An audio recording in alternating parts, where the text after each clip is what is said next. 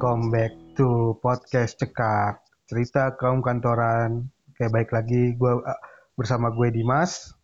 Oh iya, gue pengen mention dulu nih. Uh, Gue mau ingetin kalau tag podcast ini gue telepon apa via telepon ya. Jadi kalau kualitas suara kurang bagus atau bocor, tolong dimaklumi. Ya nama juga kita WFA dan juga di rumah masing-masing kalau ada suara bocor-bocor ya tolong dimaklumi lah. Tapi untungnya tukang edit tukang edit uh, podcast ini jago kok. Oke, jadi uh, episode cekak kali ini gue akan ngebahas anak startup juga harus sehat loh. Uh, jadi uh, sedikit ini uh, sedikit sinopsisnya nih ya selama mewabahnya virus corona ini pasti aktivitas kita tuh terbatas ya kan guys dari mulai pekerjaan nongkrong ya kan hangout lah kita ke mall jalan-jalan itu sudah dibatasin dan salah satunya olahraga dan uh, wabah ini sendiri pasti uh, kita juga harus ngejaga stamina kita daya tahan tubuh kita tuh biar tetap fit dan tetap prima lah uh, jadi yang pasti episode kali ini gue pasti nggak sendirian dong. Nah kali ini gue ngundang temen gue nih di kantor. Doi yang selalu rapih dalam berpakaian di kantor. Buset selalu rapi. Dan juga paling jarang ada di kantor nih. Oke. Okay. Nah ini orang susah banget nih kalau diajakin janjian guys. Dia dikit-dikit meeting, dikit-dikit meeting. Dalam tag podcast juga paling nggak lama ya kan. Oke. Okay. Marcelo, apa kabar Marcelo? Halo Mas Dimas, halo semua. Oke, okay. okay, kenalin nih nama gue uh, Marcelo. Uh, eh, gue kerja di Daily Social. Tadi kan Mas Dimas juga udah banyak bilang lah ya, jarang di kantor gitu kan.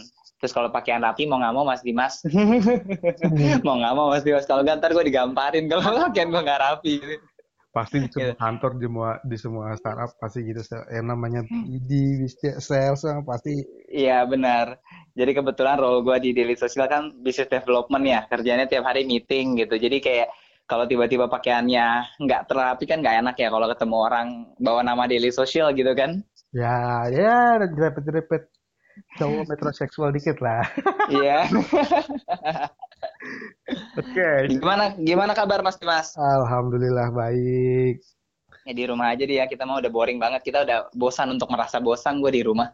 Iya nih Sel, ya, mau gimana Sel demi jaga kesehatan ya kan? Iya benar, terus nambah lagi lagi 28 hari kan tuh? Iya. PSBB. Iya, nah, pasti diperpanjang sih di semua wilayah juga pasti PSBB bakal diperpanjang kok. Iya benar-benar di Singapura tuh udah diperpanjang sampai 1 Juni. Ya. Ya, kalau di Indonesia baru. Namanya juga wabah penyakit kan nggak ada yang tahu. Bisa Iya, benar benar benar. Gimana cara uh, nanggulanginnya sih, mencegahnya juga. Iya. Pantainya juga gimana. Makanya kan udah fix dari Bapak Presiden kita dilarang mudik. Iya, dilarang mudik. Tapi sebenarnya kan kalau kita bilang virus apa COVID-19 hmm. itu kan sebenarnya penanganannya kan kalau isunya. Tapi kayak benar sih. Maksudnya isunya kan memang lebih ke arah uh, ngejaga daya tahan tubuh doang kan sebenarnya aslinya. Yes. Iya, maksudnya nggak perlu yang sampai obat yang gimana banget. Buktinya sekarang kayaknya gue kalau datang ke supermarket yang habis vitamin C. Nah, itu yang paling yang paling kayaknya yang paling mudah dan emang rata-rata mungkin ya apa ya? Kayak ya semua orang tuh ah tahu lah keguna apa manfaat dari vitamin C dan mungkin yang paling gampang dikonsumsi kali ya. Benar. Kalau yang lain kan mungkin kan ada yang dari range yang harga mahal sama range yang harga relatif uh, murah lah ya. Gitu. Sedangkan kalau kita makan makanan sehat lain kan ya cukup mahal lah ya menurut gua belum tentu semua orang bisa juga gitu kan misalkan. Iya, maksudnya ada yang itulah yang lumayan iya, tadi lu bilang benar juga sih. Oke, okay. hmm. ini saya kan setahu okay. gue nih setahu gue dan anak-anak di kantor nih kan lu kayaknya lu tuh orangnya tuh nggak ngerokok lu tuh apa ya iya lu olahraga sering olahraga kalau gue ngeliat Instagrammu ya kan yeah. Terus, uh, ya intinya lu sama sama apa ya sama olahraga sama kesehatan lu tuh kayak wah lu care banget lah lu apa ya intinya lu sering banget lah olahraga gitu kan mm. nah pasti kan lu semenjak semenjak uh, pandemi ini, yeah. corona ini pasti kan mungkin lu uh, lu kalau CFD nih lu jogging, lu ya lu jogging lah atau gimana gitu kan. Yeah. Tempat olahraga lah, nge-gym atau gimana gitu kan. Nah, selama ini selama pandemi ini lu ngakalinnya gimana, Sel? Dengan lu wah okay. harus gua harus tetap olahraga yang penting mm. workout atau workout apa workout atau apa gitu yang penting gua harus olahraga mm. keringetan lah minimal berapa menit gitu okay. dengan misalkan porsi yang sebelumnya atau normalnya itu bisa gua satu wah gua harus push up 100 tapi dengan mm. gini atau gua harus jogging berapa ratus kilo gini gini gini gini uh, okay. selama ini selama WFH lah selama pandemi ini gimana tuh sel? Oke, sebenarnya kalau dari gue sendiri sih ya, dari sebelum pandemi sampai pandemi itu perubahannya cukup banyak banget. Pasti. Jadi banyak banget. Jadi dulu tuh uh, nggak termasuk salah satunya adalah kalau dari gue yang liatnya hmm. in the positive way sih sebenarnya. Kayak dulu kan ketika gue uh, kerja pergi jalan ke mana-mana, ada beberapa pertama olahraga bisa malam kayak badminton biasanya gue okay. terus kemudian kalau hari Sabtu atau Minggu gue sama teman gue ada berenang di dekat apa apartemennya dia hmm. gitu kan terus kalau malam-malam hari biasa sering lari deket GBK hmm. kayak gitu nah itu kegiatan yang gue lakuin tapi sebenarnya porsi makan gue karena kerjanya di luar terus ketemu klien meeting sebenarnya jatuhnya lebih banyak mas Dimas Oh, beneran. Dari pola Jadi, juga ya dari pola makan juga. Jadi okay. berasa banget ketika gue kerja, uh, maksudnya yang pergi jalan-jalan, pola makan gue tuh kurang teratur. Okay. Karena otomatis uh, apa namanya uh, pergi meeting sama orang nggak enak lah kalau kita nggak pesan sesuatu. Kadang-kadang dari lawan meetingnya juga partner meetingnya yang kayak, ayo mas pesan mas pesan. Ya kita mau nggak mau pesan gitu kan. Dan minuman-minuman sekarang kan sebenarnya banyak yang apa namanya berkalori, gula kalorinya tinggi, gula-gulaan ya lu tau lah gitu kan. Kopi, apa namanya? Iya. Kopi, kopi-kopi cantik itu kan sebenarnya kan kopi-kopi yang banyak gulanya kan. Iya. Nah, jadi apa namanya? Itu kan yang tiap hari diminum. Nah, setelah pandemi, waktu kita tuh sebenarnya jadi lebih banyak. Waktu gue lebih banyak di rumah jauh. Jadi iya. dari bangun jam 6 pagi, hmm. gue tidur tuh jam 12 malam. Oke. Okay. Jadi waktu tuh gue teratur, coba untuk teratur. Tidur selalu jam 12, bangun selalu jam 6. Jam 6 gue bangun, itu biasa kumpulin nyawa dulu lah. Oke. Okay. Sekitar 30 menit sampai satu jam, mulai dari minum dulu, terus apa namanya buka laptop dulu lah, gimana pun caranya tetap buka. Nah pagi-pagi biasanya gue workout. Jadi akhirnya gue hmm. membiasakan untuk workout di rumah. Oke. Okay. Gitu. Jadi gue beli matras gitu uh, kan. Oke okay, ya. Work, workout di rumah gitu selama kurang lebih 30 menit. Oke. Okay. Karena memang dia karena memang teorinya itu dianjurkan uh, olahraga satu hari itu kurang lebih 30 menitan. Oke. Okay. Gitu. Habis olahraga 30 menit jadi lebih teratur lah. Habis itu mandi, makan. Jadi jam 8 setengah 9 kadang-kadang sebelum kita WIP pagi lah gitu kan ya. Uh-huh. Itu tuh gue udah mandi, udah segar dulu lah. Lebih enak sih, gue akuin akhirnya lebih enak. Udah hampir 20 hari lebih uh, eh, gue ngelakuin kayak gini dan gue ngerasa kayak tiap pagi tuh lebih fit. Oke. Okay. Gitu loh. Itu malah lebih enak. Terus malam uh, pas mau pas buka mau tidur sih, ya sore kalau nggak mendekati malam gitu, workout lagi aja. Olahraga lagi sekitar 30 menitan. Habis itu udah tinggal mandi, enak tidurnya Oke, berarti dari tadi misalkan oke gua dari awal nih kayak misalkan lu kan mm. sebenarnya kalau di luar di luar sebelum pandemi lah normalnya mm.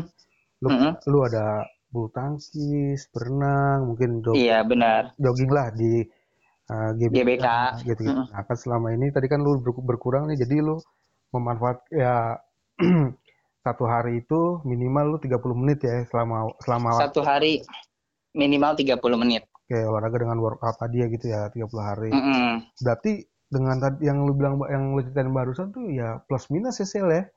Ada plus, plus minus banget kok. Iya pasti. Uh, plus minus banget begitu gue di rumah tuh ya ya berat gue turun jauh sih. Oke. Okay. Jadi kalau misalkan plus minusnya kalau misalkan lu apa? Kalau misalkan normalnya nih wah lu olahraga oke okay lah misalkan masih ya uh, lu renang, badminton gini-gini tapi pola makan mm. tetap tetap nggak kejaga ya nggak kejaga uh -uh. sedangkan ketika pandemi gini hmm. bentuk terjaganya tuh gimana ya memang sih nggak sampai salat kayak gimana nggak sampai kayak gitu banget uh. tapi setidaknya kan jelas gitu kayak okay. beli nasi atau enggak masak nasi makan udah pasti jam 12 12.30 malam makan jam kurang lebih jam 7 terus akhirnya lama-lama juga berasa ya kayak ya ternyata hidup kayak gini enak juga ya maksudnya uh, punya pola hidup yang benar okay. untuk makan dan juga olahraga ternyata tuh bikin hari-hari tuh uh, semangat aja gitu nah sejak sampai sekarang tuh udah lebih 20 harian akhirnya gue tuh ya udah gitu makan jam segini hmm. harus ada makan pagi minimal roti sore ada makan lagi uh, entah oat kalau nggak roti lagi malam makan tapi udah jam 9 ke atas tuh gue udah nggak boleh makan oke okay. berarti gitu Iya, apa ya di gue bilang tadi plus minus sih kalau misalkan normal, wah pola makan lu gak kejaga, jam jam makan lu juga nggak teratur. Tapi mm -hmm. pandemi ini, semenjak ya mau wabahnya virus corona ini, ya pola makan lu kejaga tapi kayak yeah. kan uh, porsi olahraga lu berkurang yang biasanya ada berkurang pasti itu karena, pasti karena kan kalau kita olahraga yang di luar mas Dimas yeah. itu pasti keringetan banget bedanya ya kan uh, tanding kan sama orang hmm. sedangkan kalau kita di rumah kan workout pribadi jelas nggak bisa disamain gitu oh, ya porsinya berkurang lah ya porsinya berkurang. Tapi setidaknya kita ngimbanginnya dengan cara gimana? Mungkin tips juga buat yang dengar podcast gitu kan. Hmm. Kalau orang olahraga biasanya dulu gue badminton tiga jam. Okay. Berenang paling dua jam. Okay. Lari satu jam sampai dua jam. Tapi itu dalam satu minggu, hmm. lari gue paling sekali. Okay. Badminton sekali, berenang sekali. Sedangkan kalau yang sekarang, kita tuker. Nggak tiga jam, 30 menit. Tapi tiap hari. Oke. Gitu. Lu lu tadi bilang lu berenang sekali. Kan ber, di kantor kan kolam renang ada sih iya kan gua kalau udah kerja mau gue sebenarnya agak males ya maksudnya buat maksudnya di kantor gitu kan berenang di kantor gitu. Gue biasa tuh kalau udah kalau berenang kan maksudnya agak ribet mas Dimas agak beda ya kalau gue mikir ya kalau berenang mesti bawa baju mesti bawa apa belum basah-basahan kayak gitu kan. Ah, nah gue biasanya gue biasa tuh lebih nggak suka repot-repot kalau memang harus ke kantor. Oke. Ah, lu berarti nggak memanfaatkan fasilitas kantor nih. iya nih. Ah, apa namanya? Gua udah hampir setahun di DS tuh ya. Itu kolam renang tuh gue sentuh cuma sekali waktu gue ulang tahun. Itu pun dipaksa dan diceburin. nggak pernah gue merasakan tuh kolam. Oke, okay. uh, terus ini saya, nih selama, hmm. uh, nah karena lu mungkin ya, karena lu suka olahraga lah pasti lu Iya. Nah, lu itu nggak sih maksudnya uh, sempet kayak wah gua uh, ini di apa kayak di di gua uh, bahasa di di kehidupan normal dulu nih ya. Iya. Normal. Lo kayak misalkan wah gua berat badan gua harus misalkan harus 60 kilo nih, nggak boleh lebih, nggak boleh kurang lah. Stabil hmm. 60 gitu misalkan. Nah, terus misalkan kayak selama uh, lu kayak diet juga atau enggak pas normal, pas di kehidupan normal ya. Nah, mm -hmm.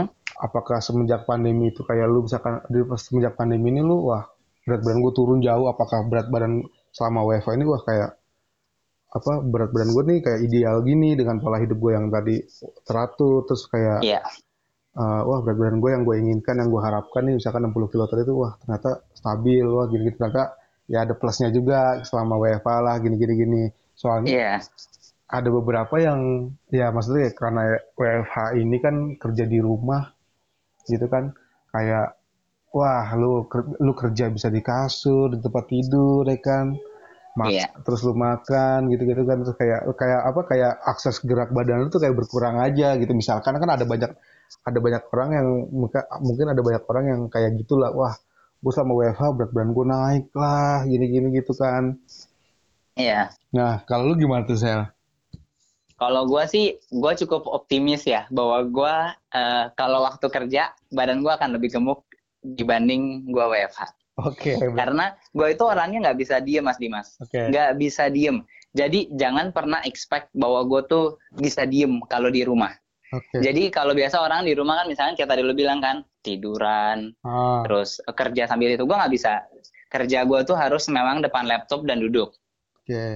Itu satu. Kedua, nggak usah jauh-jauh. Kalau gue konkol ngobrol sama orang, ya kalau nggak di video cam, hmm. gue tuh nggak pernah duduk mas Dimas. Oke. Okay. Jadi gue tuh nggak bisa kayak uh, apa namanya ngobrol sama orang kan gini berarti kan kalau ngobrol sama orang kan klien gitu kan hmm. tukar pikiran kan yeah. gue nggak bisa tuh kayak disuruh duduk tenang nggak bisa gue pasti harus mondar mandir okay. Entah gimana caranya gue pasti harus jalan. Jadi kalau dibilang tuh satu hari berapa berapa jam gue duduk? 8 jam lah 6 jam di kasur tidur dua jam lagi di sini. Sisanya gue pasti ada aja yang gue lakuin. Oke. Okay.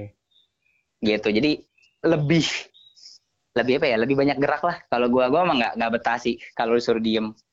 Iya, soalnya kan maksudnya kan kayak, kayak, kayak dari apa ya dari WFH-nya itu sendiri kan biasanya kan orang wah kalau di kantor nih wah gua gua ke misalkan gua ke pinggir kolam renang, gua ke ruangan ini ya kan juga Iya. Lu kan tahu sendiri gua kan kayak di sisi lo kayaknya nggak pernah diem ya ada aja jalan lah ke pinggir kolam apa konkol tiba-tiba ke studio tiba-tiba ke mana gitu kan. Hmm, nah terus kan kayak semenjak kayak apa ya kayak WFH-nya kan ya maksudnya ya tadi gue bilang kayak dibatasi lah kayak misalkan oke okay lah uh, eh, gue kerja di kamar gue di meja apa di meja kerja gue lah sekarang terus sudah itu yeah. istirahat sebentar tiduran geraknya ya ambil minum gitu-gitu dalam arti ya apa ya kayak porsinya berkurang gitu akses gerak betul betul tapi ya perlu di gue juga sadar sendiri juga sih maksudnya sebenarnya kan biar kata gimana ya kita kan anak startup nih, hmm. gampangnya gitu ya. Kita kan anak startup nih jatuhnya. Anak startup tuh, gue pernah dengar data dari mana ya? Uh, eh, gue pernah ketemu sama satu orang. Uh, dia itu chief di satu company transportasi yang gede okay. uh, eh, di Indonesia, kurang lebih kayak gitu. Dia itu pernah bilang sama gue gini, itu membuat gue cukup gini kayak, wow, anak muda zaman sekarang, kalau mau masuk kantor dia, dia bilang, Sel, gue nggak ngerti, anak-anak sekarang pinter-pinter, Sel Hmm. Oke, okay.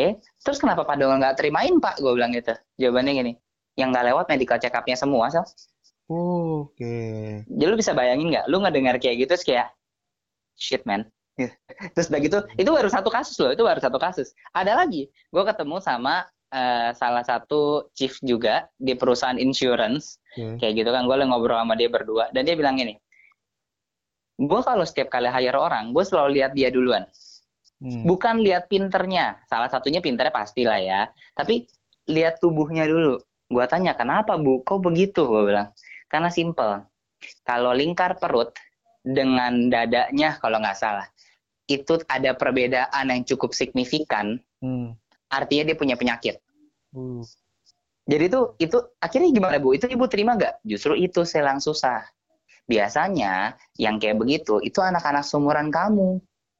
Hmm. Nah itu yang kayak ah jadi seumuran saya bu kira-kira bu iya anak-anak muda justru itu yang saya nggak ngerti.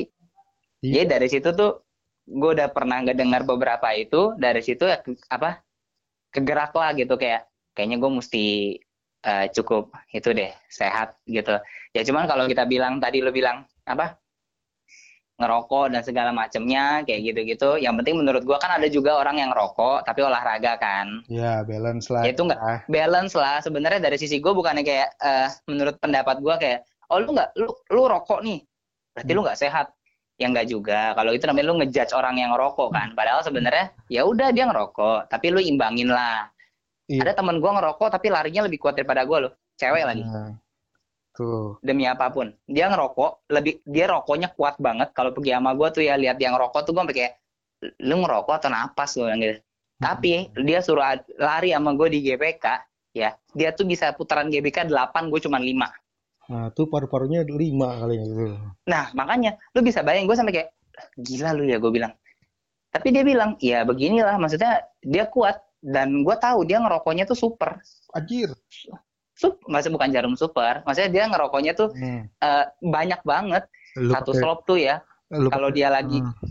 kalau dia lagi pengen ngerokok satu slop tuh sehari anjir lu lu lu, lu, lu pakai ditegesin lagi brandnya bip nanti oh ya udah lu bip deh iya teman lu tuh berarti maksudnya gile Iya, maksudnya kita nggak ngejudge orang yang ngerokok boleh. Kadang kadang-kadang itu kan ngilangin stres kayak gitu kan it's okay. Tapi apa diimbangin sama olahraga yang benar. Gitu. Apalagi kalau di rumah kan, hmm. udah ngerokok terus gara-gara kerjaan. Duduk terus, tapi olah, kan? Duduk terus, nggak ada gerak, hmm. tambah ngerokok, udah deh. Itu tuh. Nah, apalagi anak startup kan biasanya kan kerjanya kan ejal banget ya. Nah. Maksudnya kayak nah. pagi dari bangun juga kalau bos lu udah ngechat juga lu biasanya udah bales. Lu aja tim lu aja divisi lu jam 8 pagi kan? Oh, iya dong. Nah, lu jam 8 pagi aja langsung digempur. Berarti lu mesti ngurus-ngurusin dulu sebelum jam 8. Iya, malam sampai malam. Sampai malam aja di chat masih bales. Iya kalau ya. Uh, kalau WIP aja kan kita kan ya kalau misalkan di tim gue gitu kan kalau WIP, apa kayak morning briefing kan paling pagi kan tim gue tuh jam 8. Ah. Barengan ya barengan sama anak-anak sekolah lagi pada classroom pakai Google Classroom. terus, nah iya. Eh, terus kayak sekarang kan juga tadi yang lu bilang tuh teman-teman ya teman-teman lu lah yang di startup mm -hmm. yang kerja gitu kan juga sekarang banyak tuh kayak kantor-kantor startup yang udah menyediakan fasilitas olahraga ya kan kayak benar misalkan kayak ada treadmill lah di ruangan apa ya di kantor mereka gitu-gitu kan. Hmm. ya kalau hmm. kalau dari gue sih ngerasa gini sih ya, um, employee wellness itu mungkin buat perusahaan yang udah gede, hmm. employee wellness itu tuh mungkin salah satu dibutuhkan. Gue pernah baca data juga, uh, dia pernah bilang bahwa kesehatannya employee itu mempengaruhi banget terhadap kinerjanya dia di kantor. Tuh. Tapi gue lupa tuh persentasenya gue lupa berapa, tapi itu terbukti. Nah, gitu loh. Di mana terus ada juga yang uh, ada satu itu lagi apa makalah lagi yang gue baca, yang isinya tuh begini. Intinya perusahaan yang menjaga uh, kesehatan karyawannya itu ketika berapa puluh tahun ke depan itu pengiritannya akan lebih banyak dibanding dengan yang tidak. Simpelnya, ketika lo sakit, eh ketika lo sehat, berarti lo kan nggak akan pernah minta duit sakit ke bos lo kan? Iya, reimburse. Nah, reimburse sakit nggak mungkin. Nah, itu dibuktiin sama satu company tapi di luar negeri dan dia ngelakuinnya nggak satu bulan, nggak satu tahun, tapi puluhan tahun. Dan dia melihat efisiensi itu luar biasa gede banget, walaupun di awalnya tuh berasa costly. Berasa cost, karena kan, aduh, nih misalkan kayak kita nih misalkan aduh nih si Mas Dimas mesti dikasih voucher nge-gym nih. Hmm. si Selo mesti dikasih voucher badminton nih. Si ini mesti dikasih voucher ini nih. Depannya costly. Tapi begitu berlanjut sampai 20-30 tahun itu tuh bener-bener gila itu pengiritan yang luar biasa banget. Karena ini orang-orang yang dikasih kayak kita ini nggak akan pernah sakit sampai 5, 6, 7, 10 tahun ke depan. Itu yang udah ada penelitiannya. Wah boleh juga tuh ya mas gue kayak tadi gue bilang kan kayak si banyak udah banyak tuh kantor ah, kantor-kantor startup yang udah menyediakan fasilitas kesehatan yeah. lah ya. Fasilitas mm -hmm. gitu-gitu kan. Tinggal karyawannya aja menggunakan uh, tinggal karyawan tinggal make nih ini gue udah nih gue udah beliin treadmill lah gue udah beliin inilah gue udah beliin sepeda-sepedahan deh tuh yang bisa olahraga yang apa yang mau olahraga gitu kan yeah. terus juga banyak kayak mungkin salah satu kantor kita salah satu grup kantor kita juga kayak kayak sering ngadain kelas yoga ya kan ah. kayak gitu-gitu bener apa ya tadi yang lu bilang bener juga sel maksud gue kalau emang apa kayak yang apa ya beberapa juga kan teman kita kan juga ada tuh yang uh, wah gue ada promo ini nih ada promo uh, yoga di sini nih gini-gini nah tuh kan maksud gue jadi kayak kayak apa ya kayak wah boleh juga nih gini-gini dari misalkan dari dari dari dari promo ya kan dari promo jadi iya. lo ke depannya bisa rajin olahraga gitu kan Benar. Sebenarnya um, menurut gua sih setelah pandemi COVID-19 ini berakhir harusnya bakal jadi satu game changer sih buat uh, ekosistemnya kesehatan-kesehatan begini sih. Oke. Okay. Firasat gua. Jadi orang-orang karena tahu ya bahwa sebenarnya tuh COVID-19 tuh simple ngadepinnya, cuma perlu jaga badan. Oh. Udah itu doang aja. Jadi semenjak setelah dari ini ketika nanti Indonesia dibuka nih, uh, eh, PSBB-nya atau udah diperbolehkan aktivitas, uh, curiganya gue sih orang-orang tuh bakal lebih aware setidaknya entah makan buah, entah mau olahraga satu minggu minimal ada sekali yang dulu mungkin nggak pernah sama sekali Pasti. Kayak gitu-gitu. Firasat gue sih bakal ada ke arah sana sih. Pasti, pasti gitu sih. Juga kayak apa? Kayak soalnya kan kayak ya kayak corona ini kan dengan gejalanya itu kan udah wah gokil banget kan gejalanya aja kan. Iya. Cuman kayak sekedar masuk angin biasa, batuk-batuk ringan kayak gitu itu kan. Sumpah kayak maksudnya kayak gua aja kayak pribadi gua gitu kan gila sih ini maksudnya gejalanya seringan ini tapi efeknya waduh Benar. Gejalanya itu kan gejala-gejala sederhana. Makanya orang sekarang kan jadi kayak Parno kan. Astaga. Badan anget dikit, anjir. Astaga. Corona nih. Pilek dikit, aduh, corona nih. Sugesnya itu jangan atau itu sugesnya suges parah sih kalau itu Marcel. Tapi, Tapi nggak ada, salahnya sih emang kalau nggak ada salahnya. Iya. Cuman ada pernah gue baca di mana gitu tulisannya gini. Sebenarnya kita dibilang perlu waspada, perlu takut mah takut tapi jangan terlalu dipikirin karena makin kita pikirin biasanya badan kita tuh daya tahan tubuhnya makin kurang kalau kita tuh cemas. Hmm.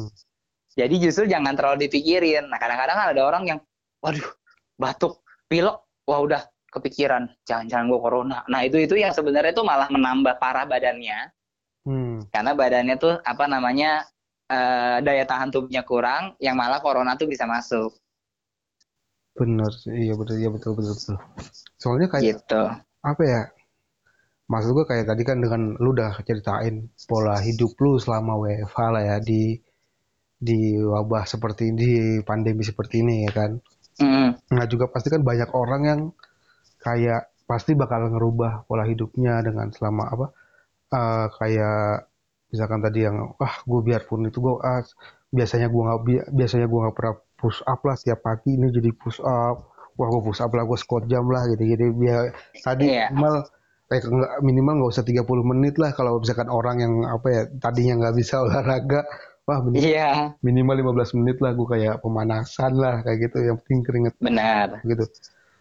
Soalnya kan kayak apa kayak ya kalau misalkan kita bandingin dengan kehidupan yang sebelumnya eh normalnya lah. Kayak itu kan emang walaupun ya, misalkan lu sering wah lu sering jalan lu sering jalan meeting lah.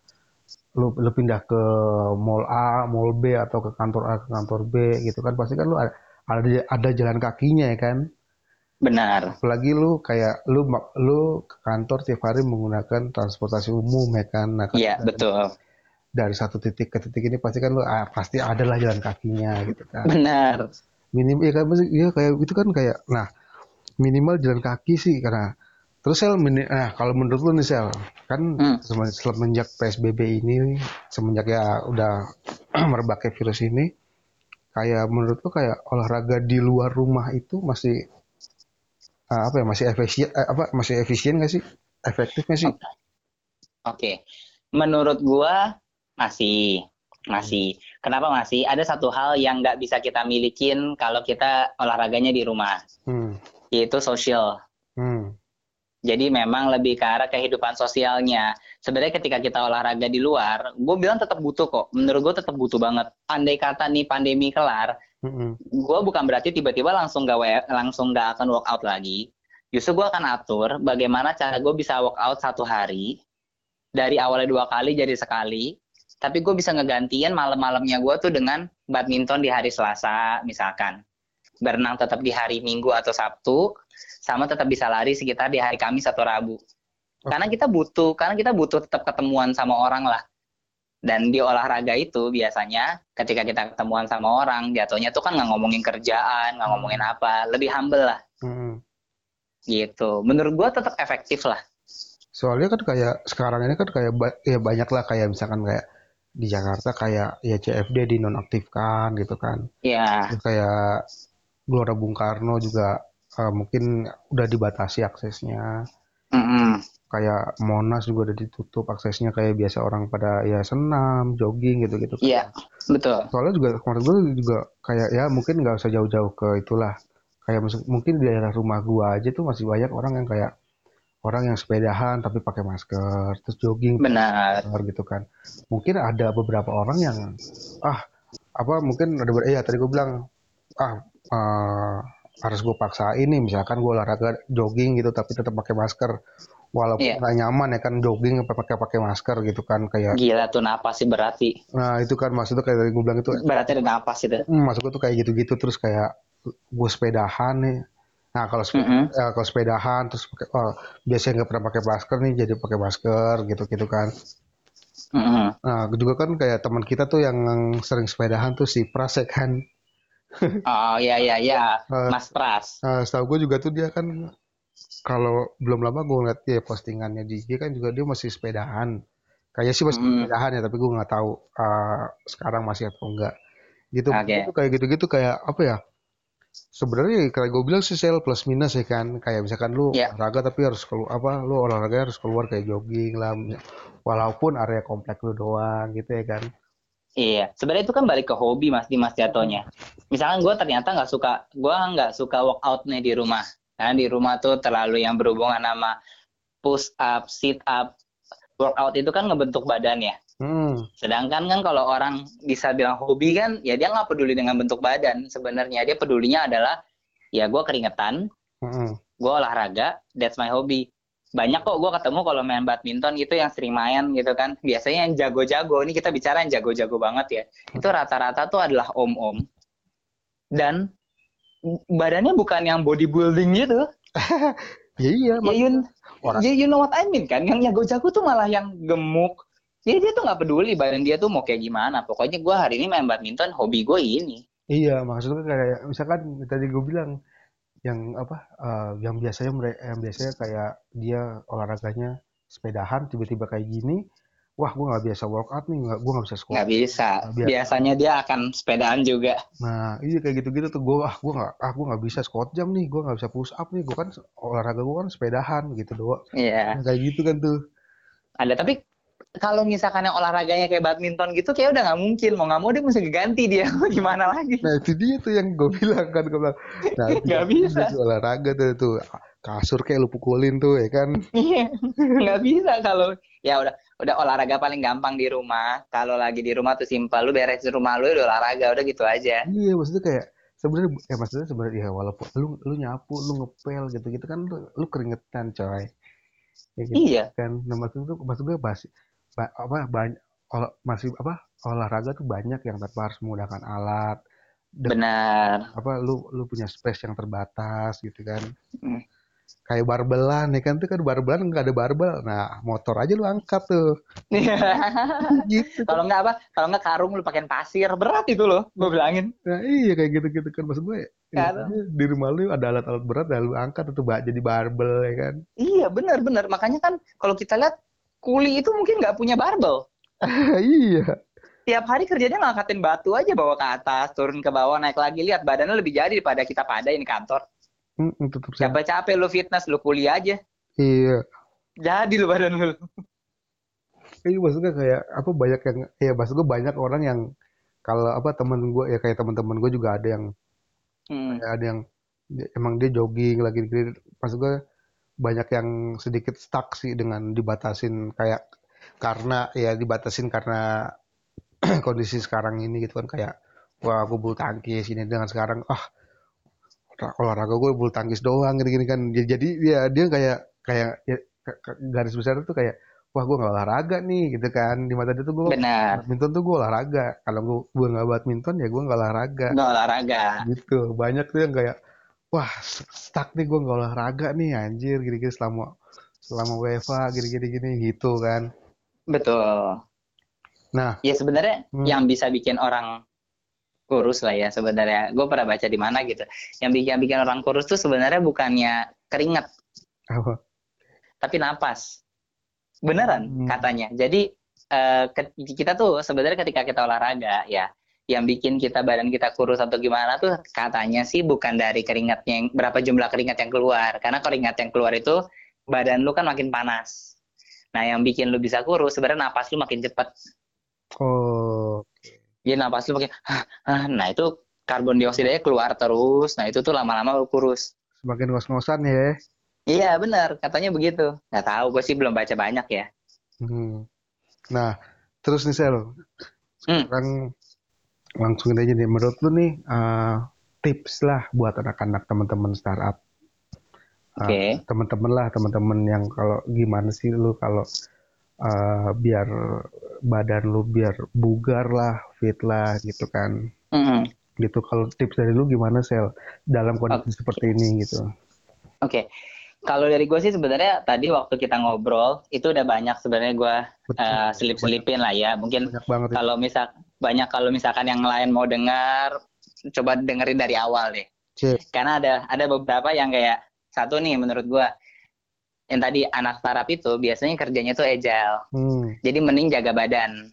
Yeah. Jadi emang harus jaga badan. Tipsnya olahraga aja satu hari itu cukup 30 menit gitu. Boleh dua kali, boleh dua kali, tapi jangan dalam waktu yang berdekatan. Jangan pagi terus langsung siang. Lagi pula siang lu kerja nggak bisa. Jadi pagi yeah. sama sore atau sama malam itu boleh. Pagi itu tujuannya biar lu tuh bangun seger, siap ngadepin hari lah bahasa itunya. Kalau sore ke malam biasanya tuh buat ngerileksin badan, biar habis itu tuh enak buat istirahat atau tidur. Kayak gitu. Jaga pola makan juga, karena sebenarnya di tengah WFH begini kan kita diuntungkan. Apa artinya? Kalau di luar biasanya kita tuh ada perpindahan. Kalau gue ya, gue merasa ada banyak banget perpindahan. Harus dari sini, ke sini, ke sini. Sedangkan kalau misalkan di rumah, nggak banyak perpindahan. Artinya waktunya tuh bisa lu atur sepresisi mungkin. Kalau 12.30 gue bilang gue harus makan siang, nggak mungkin yang namanya makan siangnya terlambat ya di rumah Iya betul. Gitu. Jam jam 4 kita bilang itu makan sore atau cemilan sore, pasti akan cemilan sore. Atau itu di rumah. Begitu pula juga sampai malam. Jadi sebenarnya ngatur pola makan biar udah kita nggak gerak. Tadi Mas Dimas juga bilang udah kita nggak gerak, kerjaan juga tetap banyak, gitu kan? Kurang lebih nggak mungkin berubah bobot, kayak begitu. Tapi kita lebih banyak lebih banyak tidak gerak, jadi mendingan ada gerakan-gerakan, ada olahraga, minimal diimbangin sama makanan sehat, gitu. Kalau nggak makanan sehat nggak apa-apa deh, makan yang teratur, tidur yang teratur, paling gitu sih kalau dari gua. Oke, gitu, okay. tipsnya. Uh, olahraga, olahraga kecil lah minimal ya kan. Olahraga kecil aja. Kalau kalau yang masih bisa dilakuin kayak lari atau sepeda, ya boleh silakan. Tapi kan ada social distancing, jadi nggak bisa rame-rame. Tapi monggo gitu loh, itu dua kan olahraga yang bisa dilakuin di jalan mana pun. Boleh. Hmm. Kayak gitu. Jadi nggak apa namanya, mungkin tadi kan gue juga ada nyebutin yang rokok gitu kan. Ada ngerokok juga gitu, tapi nggak ada olahraganya. Ya lo harus tetap ada olahraganya. Kayak gitu. Diimbangin aja lah. Satu hari cukup 30 menit doang itu 30 menit satu hari boleh loh, nggak harus satu jam. Tadi kalau satu jam itu yang pengen ekstra aja, pagi sekali, sore sekali. Tapi kalau lu nggak mau, satu hari 30 menit, ya udah bisa potong 15 menit, 15 menit kok. Betul, bisa dibagi dua ya kan? Boleh, boleh. Ya, terus jadi selama, ya selama WFH ini nggak, apa ya, jadi lebih teratur lah, kayak pola jadi, tadi.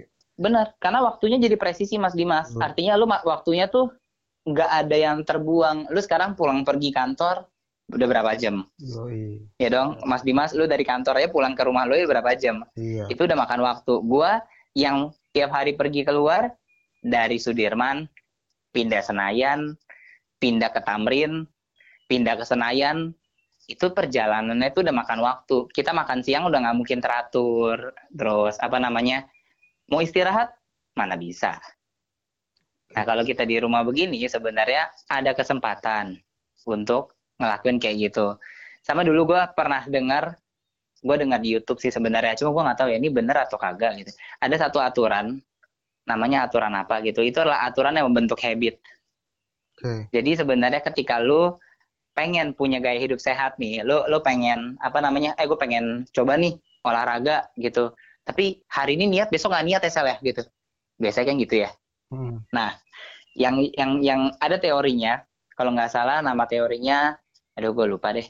Di mana teorinya itu tuh menyatakan ada sejumlah hari, kalau nggak salah 60 hari atau berapa puluh hari gitu. Hmm. Nah, itu tuh dibagi tiga fase. Jadi kalau lu udah rutin melakukan sesuatu 20 hari pertama, itu lu berarti telah melewati tahap satu. Itu tahap di mana badan lu tuh ngerasa bahwa ini bener gak sih? ini habit yang ini ini ini kok tiba-tiba badan gue punya habit baru ya hmm. yaitu olahraga ini gitu kayak tiap hari workout gitu 20 hari ke selanjutnya itu badan lu akan merasa males kayak ngelawan gitu kayak ngerasa bahwa ini bukan habit gua nih tapi gimana cara lu ngelawannya aja kayak ah tetaplah gua harus workout biar kata males gue tetap coba gitu nanti 20 hari terakhir itu adalah 20 hari pembentukan habit lu Alias ketika lu berhasil ngelewatin 60 hari itu, itu berarti tuh selebihnya itu akan jadi satu habit buat lu. Okay. Jadi lu tuh akan merasa bahwa pagi bangun harus workout. Malam sebelum tidur, sebelum mandi harus harus olahraga. Okay. Itu akan kebentuk habit sendiri. Gitu. Mungkin tuh bisa diterapkan. Oke, banyak tuh guys tipsnya dari Selo guys. Iya. Kalau lu mau uh, tahu lebih lanjutnya atau detailnya podcast ini bakal tayang minggu ini juga. Nah, tips dari lu udah nih Sel. Nah, ini yang yeah. ini yang apa? Ini pertanyaan terakhir yang selalu gue tanyakan selama uh, tag podcast ini di uh, dalam kondisi uh, WFH ya selama uh, virus uh, PSBB inilah. Gitu. Ya, yeah, oke. Okay wishlist lu setelah pandemi ini berakhir, virus corona berakhir, apa yang akan lu lakukan? Wah, banyak. Gue sebutin, gue sebutin banyak nih gue bilang ini. Ya, wishlist ya, gue ya. Ya satu setelah satu sampai seratus lah. Aduh, nggak sebanyak itu juga sih sebenarnya. Kalau sampai satu sampai seratus kan setengah jam lagi lu dengerin wishlist gue doang. Banyak kan ya pitching lu jadinya. Ba pitching gue jadinya. um, apa aja ya? wishlist gue yang paling pertama yang pasti gue pengen ketemu sama teman-teman gue oh. karena itu karena ketemu fisik ya jangan ketemu zoom kalau zoom udah bosen gue gitu pengen nongkrong nongkrong lagi sebenarnya gue yang kedua tuh gue pengen sebenarnya pengen happy happy sih salah satunya gue pengen karaokean oh, Okay. Gue pengen karaokean, gue pengen jalan-jalan ke mall, ya masih daerah duniawi lah gue juga hmm. gitu kan baru setelah itu wishlist gue gue pengen olahraga lagi sebenarnya main sama temen gue badminton tuh udah lama banget gila okay. terus apa namanya pengen lari juga sama temen gue di GBK gitu kan okay.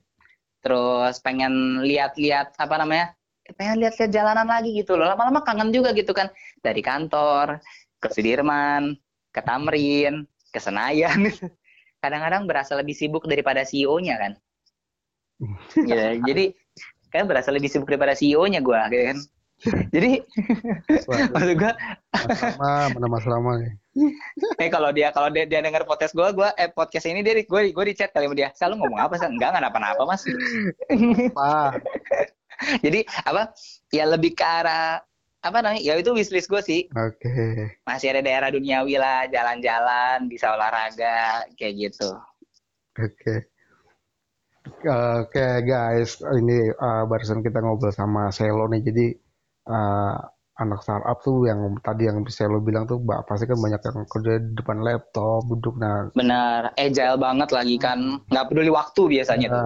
Kerja terus lah kayak gitu kan depan laptop atau gimana. Jadi kayak kurang memperhatikan kesehatan, olahraga ditambah dengan kondisi sekarang yang kita, uh, fisik kita, daya tahan tubuh kita tuh harus benar-benar diperhatikan ya kan. Kita, kita tadi udah cerita panjang sama Selo. Uh, mungkin untuk uh, kita akhiri aja nih episode kali ini bareng Selo. Nantikan juga episode cekak selanjutnya. Oke, okay, Sel, thank you Sel. Thank you banget Mas Dimas. Thank you semuanya. Jangan lupa dengerin cekak yang selanjutnya ya berarti ya. Yeah, jangan eh. lupa dengerin cekak yang ini dulu lah podcast cekak yang ini. Oh iya ya cekak yang ini dulu deh. untuk uh, untuk uh, tunggu uh, episode selanjutnya di podcast cekak. Jadi jangan oke okay guys, jadi jangan lupa untuk uh, follow podcast kita, follow sosial media Daily Sosial. Jadi sampai jumpa episode selanjutnya. Bye bye. Bye bye.